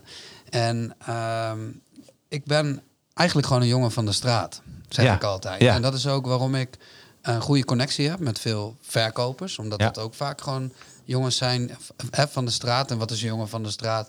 Daar, dat kan je natuurlijk altijd afvragen. Ja, Maar ehm, ik wilde vroeger rapper worden. ja. En ik was iemand die liever op straat rond, rond, rondhing met zijn vriendjes eh, dan, eh, dan eh, dat ik in de schoolbank eh, eh, zat. Daar kom ik gewoon eerlijk vooruit. Ja, En ik wilde vroeger rapper worden. En wat er op een gegeven moment gebeurde, is dat ik ehm, eh, heel veel teksten schreef. ja. En ehm, ik heb een nummer geschreven en dat heet eh, Een droom is geen illusie. En waar het verhaal over gaat is dat, ehm, dat ik op een gegeven moment werd gedemotiveerd door iemand. Want ik was niet de beste rapper. Ja. Maar ik was wel iemand die, die heel goed kon schrijven. En ehm, ik heb een keerpunt gehad in mijn leven dat ik eh, actief was dus in de horeca. ja. En dat het even niet zo goed met me ging. En dat ik uiteindelijk ehm, een raptekst terugvond. Die, eh, die ik, nou, denk zes of zeven jaar daarvoor had geschreven. En die raptekst, dat is een soort van mantra geworden voor mijn eh, leven, voor mijn succes. Ja. En dat, en dat liedje dat heet een, een droom is geen illusie. En wat er is gebeurd onlangs, Ja. is eh, ik ben benaderd door een hele goede producer. Nee! En die heeft mij aangeboden om dat nummer uit te brengen. Dus ik eh, ben eh, letterlijk weer aan het rappen. En eh, ik ga binnenkort dat, dat, dat liedje uitbrengen op Spotify. Dit is trouwens een primeur, dat heb ik nog, nog aan niemand verteld. Dit is gewoon geweldig. Oh, dit is. ja, weet je, ik zit even meteen te denken, maar ik kan hem dan niet laten luisteren, omdat er dan geen recht op zitten. Toch? Hoe, weet je hoe dat precies heb, zit? nee, dat moet ik nog even in. Ja, ja, ja, ja, ja, ja. Nou, weet je, ik, eh, de, daar moeten we iets mee doen. Dit is, te- dit is toch te grappig, dit? Ja. Ja, ja. weet je ook wanneer het eh, die het licht gaat zien, denk je? Ja, nou, ik heb, eh, we zijn nu bezig. Ik ben nu echt aan het oefenen met de, de tekst. Oh, wat goed. De beat is al klaar. Ja. Dus die moet straks helemaal geoptimaliseerd gaan worden. Ja. En, ehm, maar het grappige is dat ik dus niet een rapper ben geworden en ook nooit een rapper zal zijn. Nee. Maar ehm, dat dus blijkbaar die tekst, die heeft mij de rest van mijn leven Ja. achtervolgd. Ja. En uiteindelijk ben ik dus niet een, heb ik nu niet het succes gehaald met rappen, maar wel met het opschrijven van mijn raptekst in mijn boek. Nou. En, en mijn doel hier, eh, hiermee is eigenlijk om dit te vertellen. En dat is ook mijn boodschap voor eh, alle mensen die op dit moment eh, luisteren.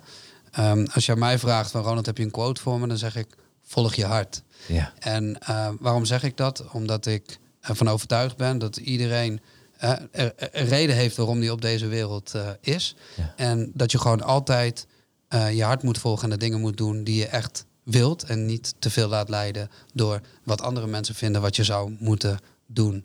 En daarom ben ik ook zo blij met het succes Ja. van mijn boek op dit moment omdat eh, ja, dit er dus blijkbaar voor zorgt dat het nummer alsnog op de markt eh, Ja, maar hoe fijn, hoe fijn Ja. is het? Nou, als ik nou zo over naar... Ik zit jouw verhaal te beluisteren en ik heb het boek natuurlijk gelezen. Maar als ik naar al die power skills kijk, dat is ook een beetje... Dat kunnen jullie alleen voor sales toe, toepassen, maar zelfs voor eigen ontwikkeling. Ook, Ja. Mhm. ook al zit je niet in de sales, zit ik nu even hard op te bedenken. Maar eh, de mindset, Mhm. hè, ook al, ook al maakt niet uit wat je wil. Je mindset is belangrijk. Het personaliseren. Je weet gewoon dat je komt gewoon verder in het leven als je het, als je het contact zoekt. Ja, Dus ik zit daar even te bekijken, het doel stellen. Nou ja, weet je, als je geen doel stelt in je leven, dan gaat het ook niet lukken. Dus eh, ja, structuur, dialoog, ja, ABC. Als jij, als jij een doel stelt zonder dat, dat er, dat er gekopt wordt, om het zo maar Ja, te zeggen, ja. dan gaat het ook niet lukken. Probeer maar eens eh, een meisje mee uit te vragen zonder mee uit te vragen. ja, ja dat is... eh, Dat wordt heel moeilijk. Storytelling natuurlijk. Als je geen verhaal hebt, eh, heb je geen leuk leven. En ik denk dat iedereen een verhaal heeft. Dus Ja. en vertrouwen. Dus als ik nou naar jou... Eigenlijk is dit een soort levenswijsheid zelfs, hè? Street Ja. Smart Sales. Ik denk eh, dat eh, het boek gaat gewoon over communicatie. Ja. En eh, ik heb het boek aan mijn buurman gegeven. Ja. En zijn vrouw is HR-manager. En zij heeft het boek in één ruk uitgelezen, zei ze. Ja. En ze zei, dit is zo waardevol. Ik ga deze, deze skills gewoon toepassen in de gesprekken die ik voer met het personeel. Ja. Wauw. En dan denk ik, ja, je, je kan het daarvoor gebruiken. Een ander leuk verhaal is, eh, ik had een, op vakantie naast ons een buurjongen van 12. Ja. En er was, eh, die zei, ja, al mijn boeken zijn op om te lezen. Ik zei, nou, ik heb nog wel een boek voor je. Die heeft de hele nacht doorgehaald Ja. Om mijn boek uit te lezen. Toen kwam de volgende ochtend met samengeknepen oogjes. Kwam hij naar me toe, ik heb je boek uit. En hij kon zo al die verhalen navertellen. En dan denk ik van, ja, dit is heel waardevol Dit voor hem... eh, om op deze leeftijd deze kennis al eh, te hebben. Ja, ben ik mee eens. Dat is uiteindelijk ook altijd mijn doel geweest met het schrijven van dit boek. Ik wilde gewoon een boek eh, schrijven wat ik zelf zou willen lezen. Ja. En zeker op wat jongere leeftijd. Die kennis te kunnen gebruiken in eh, ja, het ontwikkelen eigenlijk van, eh, van mijn carrière. Ja. Alleen dat boek was er niet. En eh, ja, dat is er dus nu wel.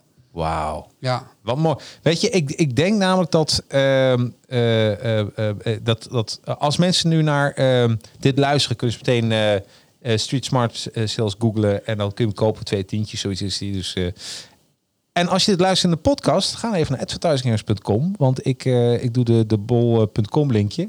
Dat ze meteen via mijn paarden kunnen bestellen. ja. Ik bedoel, eh, hè, maar dat, we maken het mensen zo makkelijk mogelijk. Iedereen moet het boek even in huis halen. Hoe leuk is dat niet? ja fantastisch. Ja, toch? Hey, ehm, ik ga nog een paar vragen even doornemen. En daarna wil ik je even wat laten, laten horen. En dan is, zijn we alweer bijna aan het einde gekomen. Even kijken hoor. Oh, er zijn er veel leuke vragen eh, binnengekomen. Eh eh, hop, Marco zegt prachtig, Ronald. Hele rit onderweg naar de launchparty van Improvers, de podcast geluisterd. Super interessant. En blijft dat mooi om Marco, jou. Marco en ik hebben samen in, Ja. in Griekenland, in de zee, Ja, een heel persoonlijk eh, gesprek gehad. ja. Ja, dat klinkt heel gek. Maar Ja. wij, wij deden altijd van die champions trips. En Oh. de beste verkopers, Ja. die mochten dan mee op reis. Dus met Marco heb ik een, eh, een leuke connectie. Dus Marco, super tof eh, dat je dit luistert. En Ja. eh, doen ze de groeten allemaal daar. Oh, wat goed, man. ik Nou, wil is- een vraag van Jamie. Mag, mag dat nog? Ja, tuurlijk. James, wat is de grootste deal die jij ooit zelf hebt gemaakt? Ehm, dat is eh, het verkopen van mijn kerstbomenbedrijf. Ja, wat leuk. En eh, mijn eh, compagnon die zei, ja, dat gaat je nooit lukken. En toen heb ik het gewoon strategisch aangepakt. En toen heb ik gewoon gekeken naar ja, welk, welk bedrijf zou er nou belang hebben bij onze klanten. Ja, En nou, dat hebben we goed aangepakt. Ik ik noem, noem geen nummers, maar het was een, eh, een goede deal. En ook de grootste deal die ik ooit eh, zelf gesloten heb. Wauw. Ja. Dus, eh, dus, en, dat, en ook weer de stappen voor jezelf doorlopen. Ja, Hè, de, de, de, fantastisch. de skills. Ja, wat goed man. Ja, Ehm, oh ja, en Mark uh, Elsendoorn is natuurlijk heel benieuwd naar het nummer, net als ik. ja. En, en, leuk Mark. ja, top. En Dirk zegt, ga gerust door. We hebben vakantie. En gelijk heb je, Dirk. hey, ehm, ja, ik heb eh, eigenlijk twee eh, announcements. Twee eh, mededelingen. Eerste is... eh, ehm, ik ben bezig met nog twee podcasts. Meen je niet, Jacques? Ja, dat meen ik. En één podcast is... ehm eh, zo heel grappig. Dat is... daar ben ik voor, nou, een paar maanden geleden eigenlijk mee begonnen. En we gaan nu volle bak weer vooruit. Eh, en het is de Wax On, Wax Off podcast. En ja, ik laat je, weet je, ik laat je eens even de intro horen. Lijkt het leuk? 60, ja, 60 zeker. seconden. Ja, tuurlijk. En dat is voor, dit is natuurlijk de podcast vanuit Advertising Heroes, het inspireren. En eh, Academy is om mensen social media skills bij te brengen. En ik ben helemaal geïnspireerd door, eh, daardoor door Mr. Miyagi van Karate Kid. Oh, tof. En ik laat je even de intro horen. Je kan hem nu ook beluisteren. Als mensen gaan eh, k- kijken op Spotify, Wax On, Wax Off, dan zie je hem er meteen bij staan. Of je tikt gewoon Jacarino in en dan kom ik ook wel voorbij, denk ik. Maar Wax On, Wax Off, dus een beter resultaat. En dit is alvast de intro. Als 12-jarig jongetje keek Jacarino naar de film Karate Kid. Hierin leert jonge Daniel van Mr. Miyagi de vechtsport karate. Niet door standaard trainingen, maar door verschillende klusjes uit te voeren. Als de vloer schuren, de schutting verven en auto's in de was zetten. Wax on, wax off. Juist door die combinatie van bewegingen verslaat Daniel aan het eind van de film zijn eindbaas. Fast forward. Eureka! Dat is hetzelfde als bij een succesvolle social media marketingstrategie. Juist door het combineren van online diensten en kanalen maak je het verschil. In deze podcast hoor je wat de kracht is van het combineren van deze online diensten. Welkom bij Jacarino's Academy Wax On Wax Off podcast. Ja, dat is hem. Ja, gaaf, Ja, wat twee daarvan? Ja, fantastisch. Ja, toch? Ja, een film die iedereen kent ook natuurlijk. Ja, joh, ja. Dus, Ja. eh, nou, ik, en ik was eigenlijk geïnspireerd door. ehm, eh, je moet namelijk dingen allemaal gaan eh, combineren. En dat wordt altijd vergeten. Weet je, mensen meestal denken mensen als ze een Facebook training hebben, nou dat, dan, dan gaat het lopen. Of een webinar training, ik weet hoe ik doe, dan gaat het lopen. Maar het zijn al die dingen bij elkaar. En ik heb zo'n gave training gemaakt. Ik heb een training, daar zit een eh, hele portal. Er zit LinkedIn, social selling, LinkedIn Sales Navigator. Er zit LinkedIn advertising in, Facebook advertising. Ehm, de, eh, eh, nieuwsbrief eh, training erbij, dus Active Campaign. Mailchimp zit Oh, erbij. een webinar, Webinar Jam en hoe je webinars moet maken. En er komt nog een podcast training bij. En al die trainingen bij elkaar, ja, dan ga ik bij mensen een strategie. Welke trainingen zijn voor jou need to have, welke nice to have. Ja, en dat is, dat is deze goed, man. podcast. Ja, Wat toch? goed, ja. Daar Ja. kan ik in ieder geval nog wel wat van leren. Ja, ik heb nog wel een vraag aan jou. Oh, oh, nou, Ben jij- ja? ben jij meer een Mr. Miyagi of meer een Karate Kid? Eh, ik ben eh, eh, gezien mijn, mijn buikomvang aan het worden, ben ik meer een, een Miyagi aan het worden. ja, ja, nee, ik denk een, een ja, wel een, een, een, een, iedereen begint als een karate kid en je hoopt dat je steeds meer in de voetspoor van Miyagi komt. Denk ik. Precies. Ja. Toch? Ja, nou Ja. zeker als je mensen dingen gaat leren. Ja, daarom. Ja, Ja. daarom. En weet je wat, het, wat ook het eerlijke verhaal is? Dat als mensen eh, eh, een training volgen, en vooral online, daar heb ik best een beetje moeite mee. Dan gaan mensen het verkopen alsof het super makkelijk is. En joh, volg het even en een uurtje en dan ben je helemaal bij. En bij Karate Kid zag je ook die, die, eh, die Danielson al die auto's in de was zetten. En soms was hij echt een beetje aan het vloeken, hè? Van, Ja, dan moet ja, ik weer. Ja. Maar uit, uiteindelijk komt het goed. En dat, dat, zo moet je een training ook bekijken. Het is gewoon werk. En als je er voor inzet, dan krijg je resultaat. Ja, zonder wrijving geen glans. Zonder wrijving geen glans. Dat is, dat is het gewoon helemaal. Nou, even kijken. Ik pak eens even mijn... hey, ben ik nog wat vergeten volgens jou? Nee, ik eh, vond het hartstikke leuk om, eh, om hier te zijn. Dus dank je wel voor de, voor de uitnodiging. Ja, joh. Ja, Ja. nou, ik, ik, vond het, ik vond het super dat je er was. Ja, Hè? En volgende week ehm, hebben wij... eh, ja, oh, dat wat, ik, is ook zo gaaf. Hebben we eh, de Flippo Koning. Ken je die trouwens nog? De Flippo ja die ken ik zeker nog. Ja, ja, eh, Die 30, ga ik zeker luisteren. Ja, 30 miljoen verdiend aan de flippo's. Volgens mij 500 miljard flippo's. En hij heeft ja, een tijdje in de bijstand gezeten. Dus van, Bizar. van 30 miljoen naar de bijstand. En nou, weet je, dit kan iedereen overkomen. En hoe, dat lees je in zijn boek. En daar ga ik met hem volgende week over hebben. En wat misschien ook wel leuk is, eh, de week daarop, 21 augustus, Rick van Asperen, ik laat me niet gek maken. Eh, 28 augustus, Erika Verdergaal, crisis, wat te doen. Eh, Paul Moors met Fuck de Prijs, 4 september. Dat is onze eh marketinggoeroe. Op nummer, eh, eh, eh, eh, op 11 september, Pedro van Helden, Onweerstaanbaar ondernemen. En 18 september, Robin Stevens, Verbinding zonder wifi. Nou, het wordt weer een... Oh, dat, ja. wordt, dat zijn hele goede schrijvers en eh, sprekers. Ja, ze eh, hier allemaal bijna in de, heel veel in de, in de top 10. Ja. En eh, ja, dus eh, geweldig man. Hey, ik wil eh, jou nogmaals bedanken. Ja, ben nou, ik- jij bedankt. Ja, joh. En ik, dit is zeer waardevol. Hier hebben mensen echt superveel aan. Ben ik echt van overtuigd. Mhm. Ja. En ja, weet je, ik, ik denk dat als mensen dit hebben geluisterd, dat ze dan meteen even op een mobiel, als ze op mobiel luisteren, meteen even jouw boekje gaan bestellen. Die is de volgende dag binnen, want zo werkt het. Tuurlijk. En dan, en dan kun je na de hand nog eens deze video bekijken. Ook nog. Nou, hoe leuk is dat niet? Nou, ik ben volgens mij helemaal niets vergeten. hè? Nee. Nee. Dus eh dankjewel voor, Ja. de, voor, de, voor vandaag. Nou, jij ook bedankt. Nou, ook eh, voor iedereen die, eh, die heeft gekeken. Ook jullie allemaal bedankt. En tot volgende week. Hoi. Ja, bedankt voor het luisteren van deze podcast. Nou, ik zou het echt geweldig vinden als je deze podcast een aantal sterren of een review zou willen geven via je podcast-app. En volg mij ook via social media. Volg Advertising Heroes op Facebook, Instagram en LinkedIn. Of knikt gewoon met mij via LinkedIn. Zoek op Jacarino. Ik ga het even spellen voor je. J-A-C-A-R-R-I-N-O. en zet in de connectieverzoek dat je hebt geluisterd naar de podcast. Nou, ik voeg je dan direct toe. Nou, maak er een heldhaftige week van. Hoi!